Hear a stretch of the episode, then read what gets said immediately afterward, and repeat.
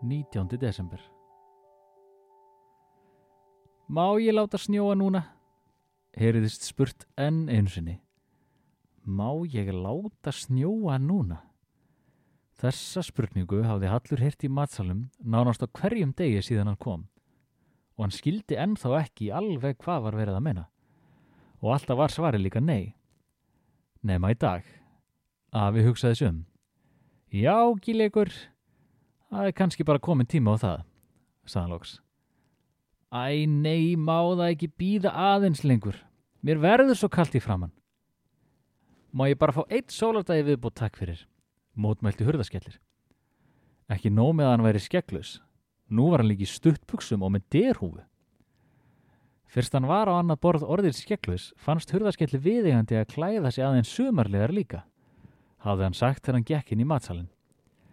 Hínir jólaseinunni hlói ennþá meira en daginn áður. En allt kom fyrir ekki. Gíljagur leti ekki segja sér það tvísvar lóksins þegar hann mótti láta snjóa. Yes! Það skrytti í honum á spenningi þegar hann valhópaði út úr matsalum með restina af jólasveinunum álíka spenta í halarófa og eftir sér. Já, eða alla nema einn.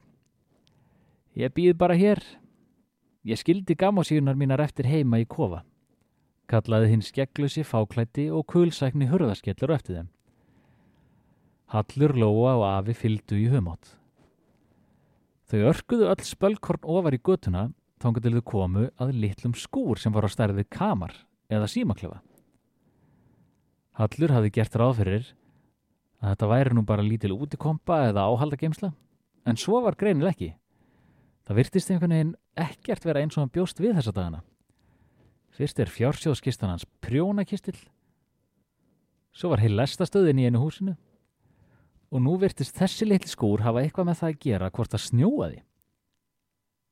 Giljagur opnaði dyrnar á skúrnum.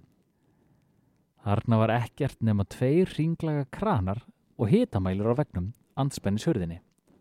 Annar kranin var gildur og starfið stýri í bíl en hinn var grár og talsvert minni. Fyrir ofandan minni var hitamælir. Sveinarnir söpnuðust saman fyrir framann skúrin og yðuðu af eftirvæntingu. Fyrst lækkar hann hitan, útskýrið afi. Það kemur engin snjór eða er ekki nógu kallt. Giljagur snýri gráakranunum örlítið og fyldist með hitamælinum á meðan. Allt í hennu fann Hallur hvernig hann var aðeins kaltara á kinnunum. Og fingurunum. Aðeins kaltara hann hafði verið. Giljagur virtist að hafa fundið passlegt hitastig og tók svo báðum höndum um stóra gildakranan. Jólasveinanir klöppuðu og hlóðu spendi þegar hann byrjaði að snúa.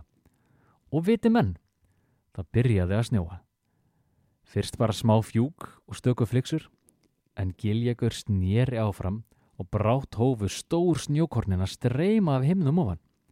Snjónum kyngdi niður og fyrirnvarði var allt orðið á kafi í snjó.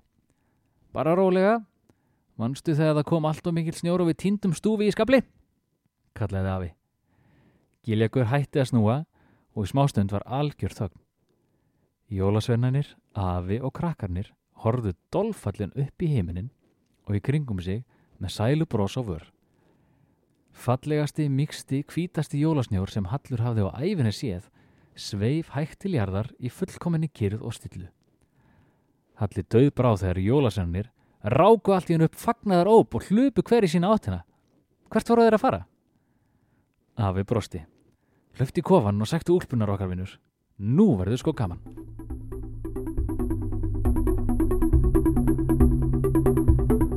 Fluttur var 19. kapli jóladagatalsins um jólasveina þjálfaran eftir Egil Halldórsson. Þykist útvarpið 2020